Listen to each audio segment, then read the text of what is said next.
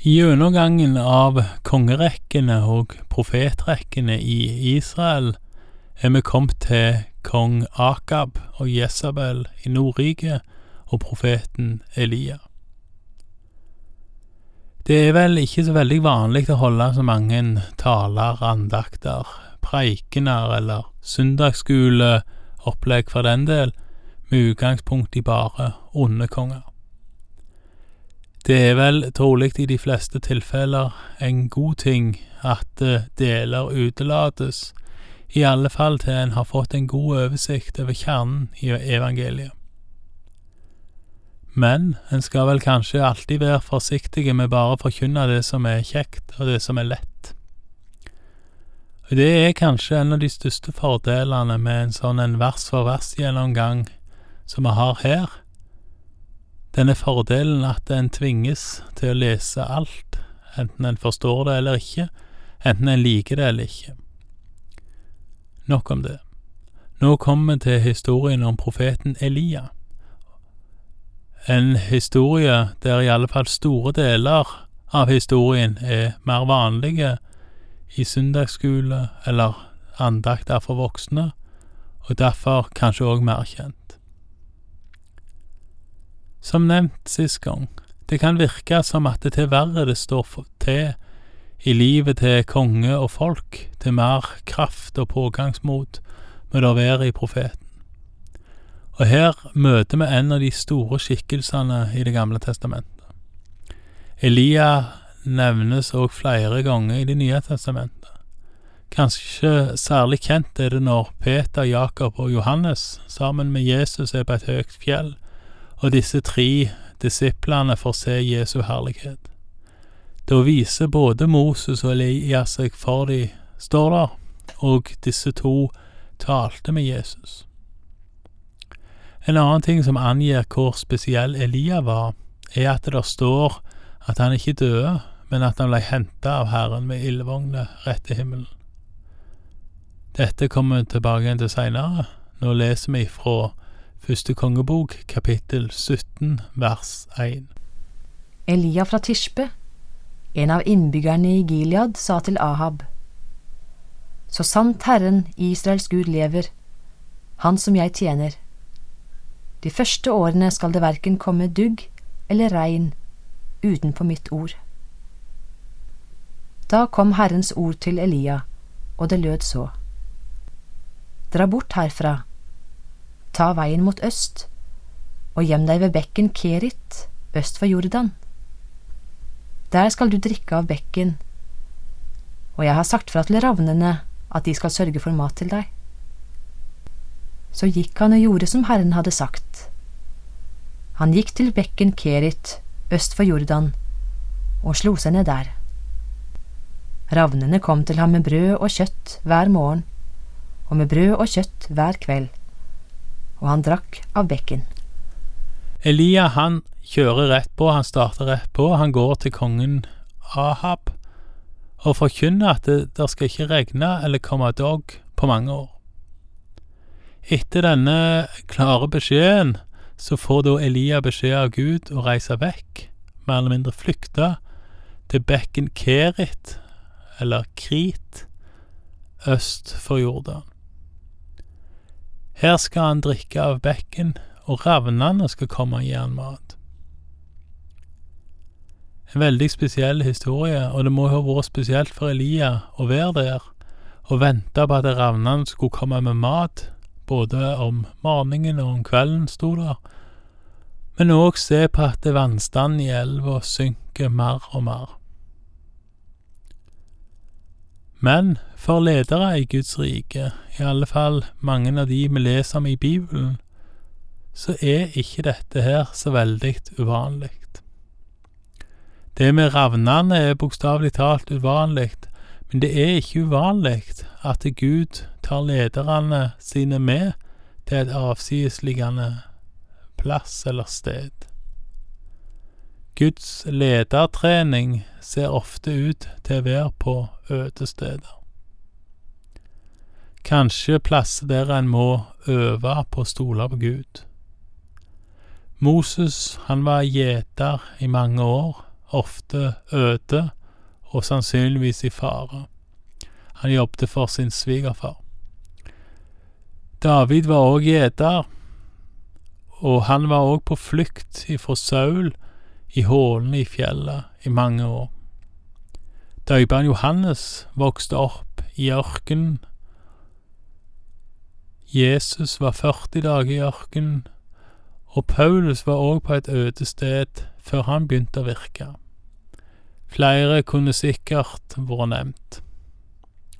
Derfor, hvis du går og tenker på og ber om at du vil ha en tjeneste i Guds rike, så kan det tenkes at du enten i reell eller i overført betydning blir tatt med til et øde sted. Det trenger ikke være noe negativt, langt ifra. Og det gjelder ikke alle, men legg merke til at flere av Bibelens store ledere ser ut til å gå i Guds ledertrening på øde steder, og ofte over lange tid. Vi leser videre fra vers sju. Da det var gått en tid, tørket bekken bort, for det kom ikke regn i landet.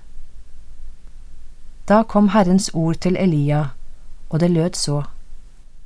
Gå straks av sted til Sarepta, som hører til Sidon, og slå deg ned der. Jeg har befalt en enke som bor der, å sørge for deg. Straks gikk Elia av sted til Sarepta og kom til byporten. Akkurat da var det en enke der som sanket ved. Han ropte til henne og sa, Hent litt vann til meg i en skål, så jeg får drikke. Da hun gikk for å hente det, ropte han etter henne, Ta også med et stykke brød til meg. Hun svarte, Så sant Herren din Gud lever, jeg eier ikke så mye som en brødleiv, bare en håndfull mel i krukken og litt olje i muggen.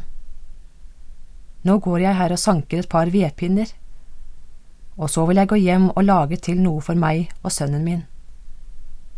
Når vi har spist det, kan vi legge oss til å dø. Elias sa til henne, Vær ikke redd, gå hjem og gjør som du har sagt, men bak først en liten brødleiv til meg av melet, og kom ut til meg med den. Siden kan du lage til noe for deg og sønnen din. For så sier Herren, Israels Gud, melkrukken skal ikke bli tom, og det skal ikke mangle olje i muggen til den dagen kommer, da Herren sender regn over jorden. Da gikk hun og gjorde som Elia hadde sagt, og både hun og han og hele hennes hus hadde mat i lang tid. Melkrukken ble ikke tom, og oljen i muggen tok ikke slutt. Det gikk som Herren hadde sagt gjennom Elia. Historien om Elia og enka i Sarepta er nok en av de mest kjente i Det gamle testamentet. Og Sareptas krukke er et uttrykk som brukes av mange om noe som aldri går tomt, et utømmelig forråd av et eller annet. Mindre kjent er kanskje hvorfor krukka ikke gikk tom. Hvorfor gjorde hun ikke det? Jo, fordi kvinner stolte på profeten Elia, og gir han, eller da vel egentlig Gud, eh, det første Det første brødet skulle gis til Elia. Jeg tror vel ikke at dersom vi gir Gud det første av noe vi har, så er det en evig lov at vi aldri skal mangle noe. Det virker ikke å være sånn på generell basis. Men skal vi tro historien vi nettopp leste, så var det sånn denne gangen. Kvinner hadde en tjeneste for Gud, og den var å sørge for Elia, seg og sønnen. Og Gud ga kvinna, eller enka, det hun trengte i denne tjenesten. Han ga henne mel og olje. Vi leser videre fra vers 17. Etter at dette hendte, ble sønnen til kvinnen som eide huset, syk og sykdommen tok så hardt på at det til sist ikke var livspust i ham. Da sa hun til Elia, Hva har jeg med deg å gjøre, gudsmann?